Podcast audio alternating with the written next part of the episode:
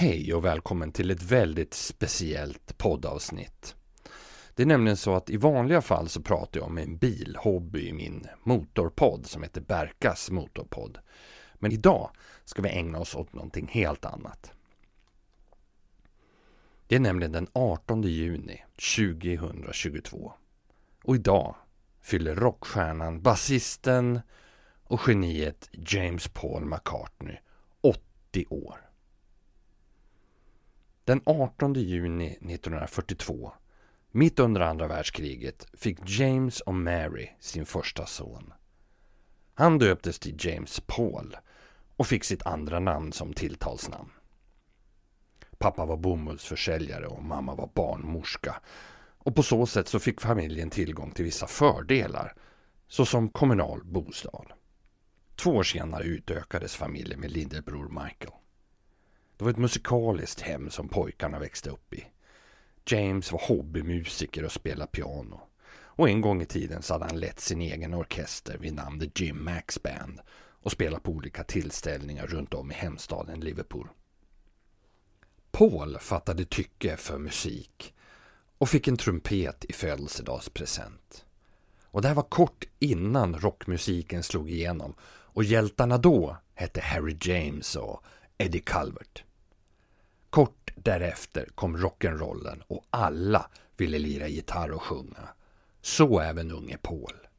Men han upptäckte omedelbart att han inte kunde sjunga och spela trumpet samtidigt och frågade sin pappa om han fick byta in trumpeten mot en gitarr. Mamma Mary hade gått bort i cancer och pappa James ville försöka trösta sonen och gick med på bytet. Och det blev en akustisk senit men någonting var fel. Paul fick inte ordning på spelet och han la undan gitarren i frustration. Och det var inte förrän han såg en bild på gitarristen Slim Whitman som han förstod vad problemet var. Whitman var vänsterhänt och höll gitarren upp och ner. Paul ändrade strängningen och vände på gitarren och på så sätt så föll pusselbitarna på plats. Många tror att Paul och John Lennon var de första att lära känna varandra. Men redan innan blev Paul och George Harrison kompisar eftersom de åkte på samma buss till skolan. George, liksom Paul, hade gitarr och det hade Paul lagt märke till. Så de började lära sig instrumentet tillsammans. Sommaren 1957 hängde Paul med en polare till en sommarfest i stadsdelen Woolton med förhoppningen att träffa några tjejer men istället så träffade han John Lennon. Deras gemensamma kamrat Ivan Vaughan presenterade grabbarna för varandra och Paul mindes att John var något rund under fötterna. John minns att han imponerades över att Paul kunde de riktiga texterna till låtarna och att han kunde stämma en gitarr. Resten är Beatles historia. De fick skivkontrakt 1962 gav ut sin första LP 1963, kom till USA 64 och där låg de etta, tvåa, trea, fyra och femma på Billboardlistan våren 64. Och det har aldrig hänt förut. Det var världsturnéer, filmer och hela tiden så låg de ljusår före sina kollegor i utveckling. Den 29 augusti 1966 så spelade Beatles sin sista konsert i San Francisco och inledde sin nya fas som studioband. 1967 släppte man Sgt. Peppers Lonely Hearts Club Band. Det mest banbrytande albumet någonsin med sin kreativitet och tekniska fulländning. Även om det fortfarande bara fanns fyra spår att spela in på. 1970 så var allt över. John hade i hemlighet hoppat av hösten 69 och i april 70 hade även Paul fått nog. Han var den som hade modet att göra splittringen offentlig och fick ta mycket skit för det. Så förväntningarna var skyhöga på hur Pauls första soloplatta skulle låta. Säkert skulle den vara packad med Yesterdays och Penny Lanes och Let It Be's. Men Paul valde att bryta helt och istället spela in de flesta låtarna hemma i huset på Cavendish Avenue. Resultatet var ett experiment med ljudeffekter och råa skisser på låtar. Paul spelade alla instrumenten själv. Plattan hade höga förhandsbeställningar och nådde första platsen i USA.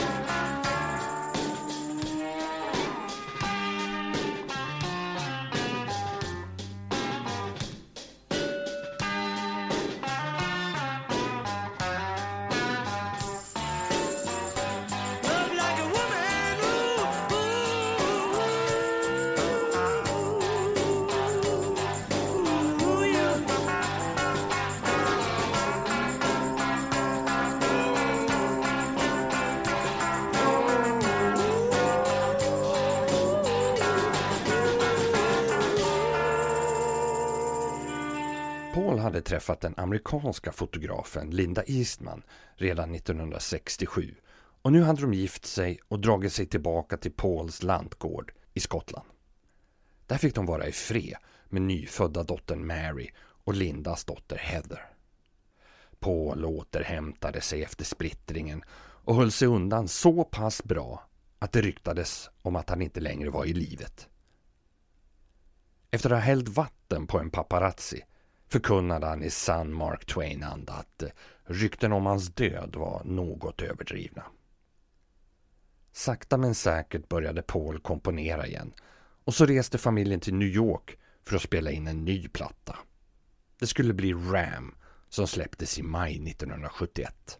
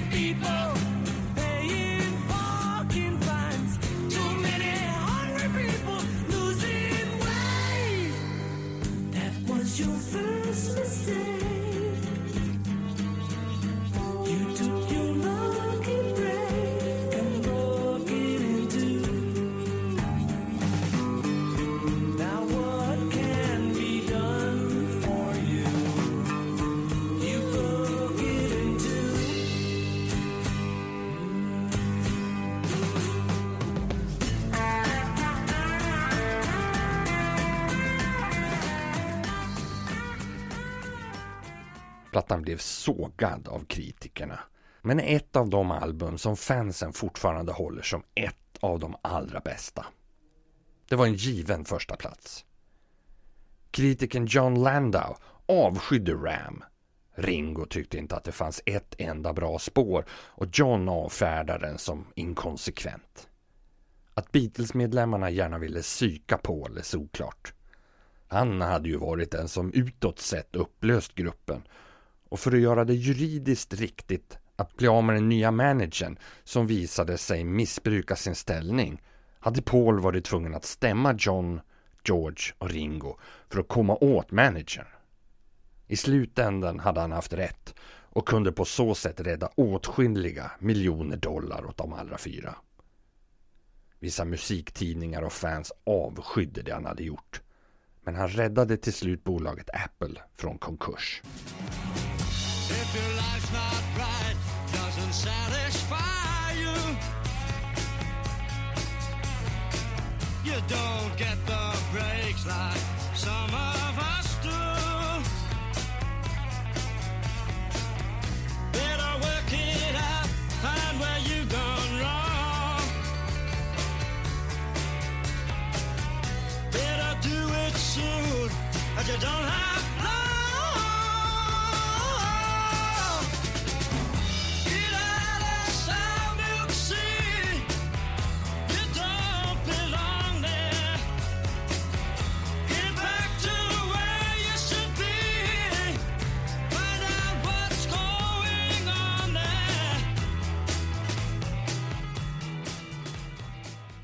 Paul hade velat att Beatles skulle getts ut på en anonym turné 1969 men hade blivit nerröstad utav de andra.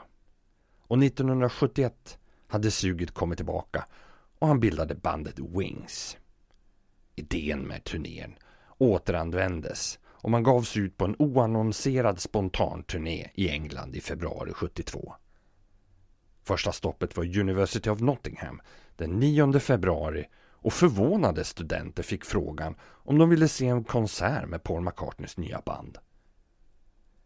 Det var starten för Pauls nya karriär som stjärna efter Beatles och Wings kom att bli ett av 70-talets bäst säljande band. De turnerade världen över och Paul och Linda utökade familjen ytterligare med barnen Stella och James. Paul kom på att spela in skivan Band on the Run 1973 i Afrika och där blev han rånad på alla demokassetter. LPn Venus and Mars 75 gjordes i New Orleans och plattan London Town 78 spelades in på en yacht seglandes runt i Karibien. 1979 kom så den sista Wings-skivan och Paul var lite tveksam till hur fortsättningen skulle bli. Sommaren 79 så hade han fått några syntar som han lekte med i studion hemma i Sussex och resultatet hade blivit en mängd låtar till ett dubbelalbum som Paul hade skojat om att döpa till Paul McCartney Goes Too Far. Skivbolaget skalade ner materialet till en enkel platta och det var första singeln som gjorde att jag fick upp intresset för både Beatles och Paul. John Lennon hörde låten på en bilresa och bestämde sig genast för att avsluta sin fem år långa paus från musiken och göra comeback. Do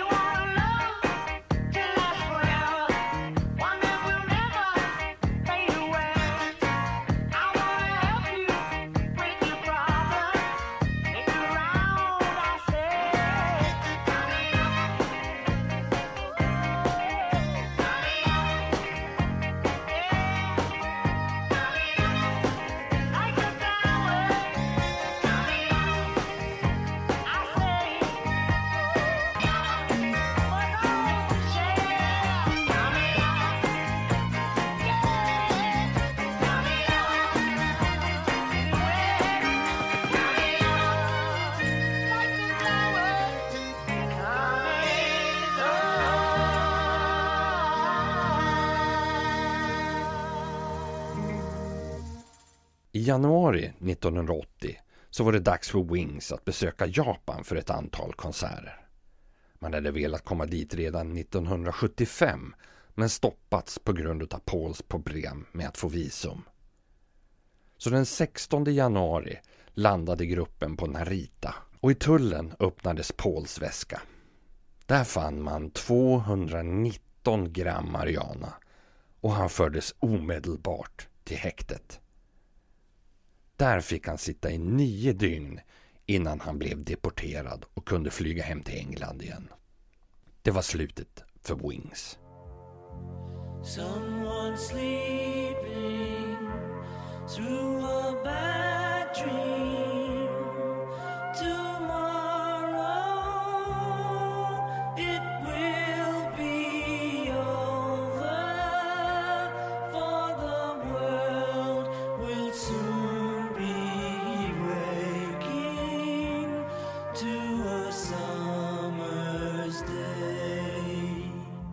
Sent på kvällen den 8 december 1980 sköts John till döds utanför sin bostad i New York. Paul väcktes av ett telefonsamtal tidigt på morgonen den 9 för att ta emot dödsbudet. Svårt chockad åkte han in till studion i London för att träffa producenten och vännen från Beatles-åren George Martin. Och vad man gjorde och pratade om vet ingen än idag. Men att inför världens medier, chockad och ledsen, kommentera tragedin var inget Paul var förberedd på. I was very shocked, you know. It's terrible news. When did you, how did you find out about it? I got a phone call this morning From whom? uh, from a friend of mine. Are you planning to go before the funeral? I don't know yet. Do you know, do you, have you discussed uh, the death with any of the other Beatles? No, Uh, do you, do you plan to? probably, yeah. What were you recording today? Um, I was just listening to some stuff, you know, I just didn't want to sit at home. Why? Oh, I didn't feel like it. What time did you hear the news? This morning sometime. Very early? Yeah. Go now, yeah? Okay, cheers. Bye-bye. And if I said I really knew you well, what would your answer be?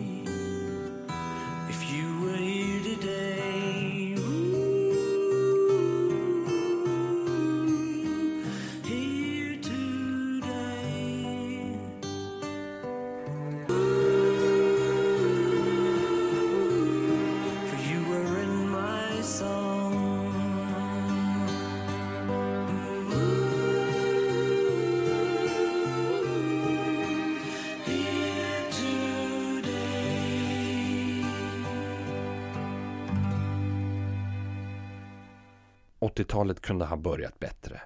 Men Paul och familjen åkte till Västindien för att spela in kommande plattan Tug of War. Plattan skulle bli en omstart och återigen få tillbaka honom på första platserna på listorna.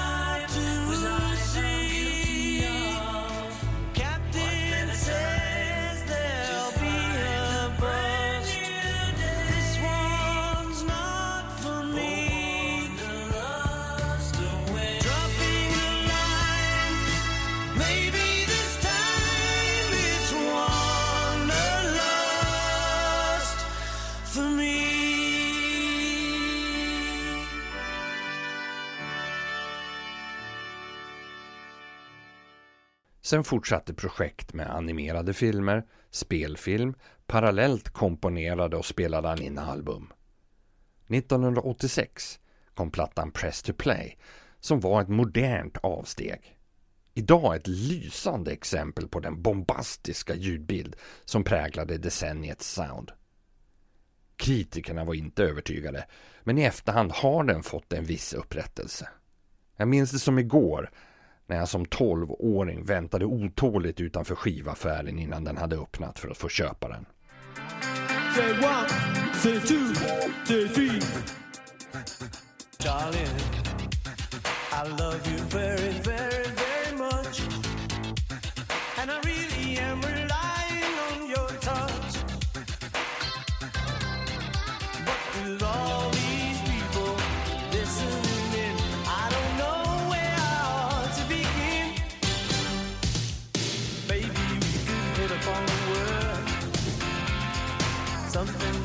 that the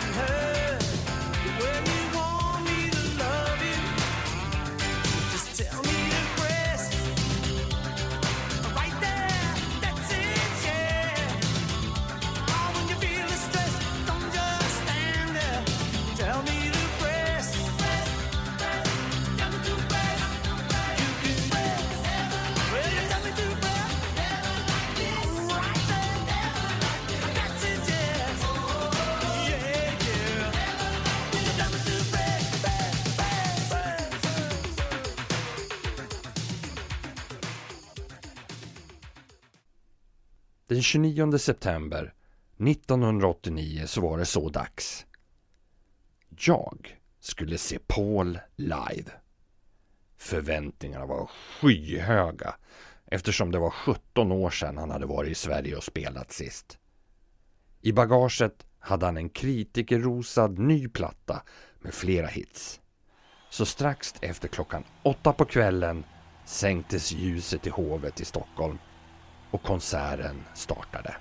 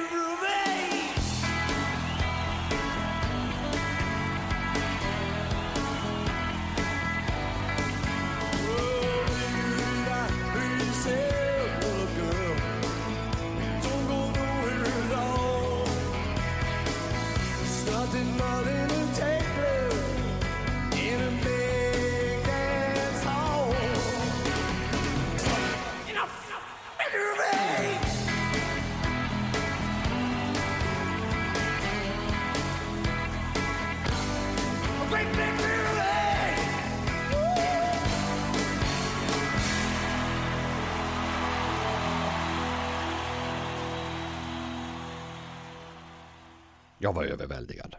Där stod han. Paul i Beatles och spelade live. Han var i toppform och på topphumör.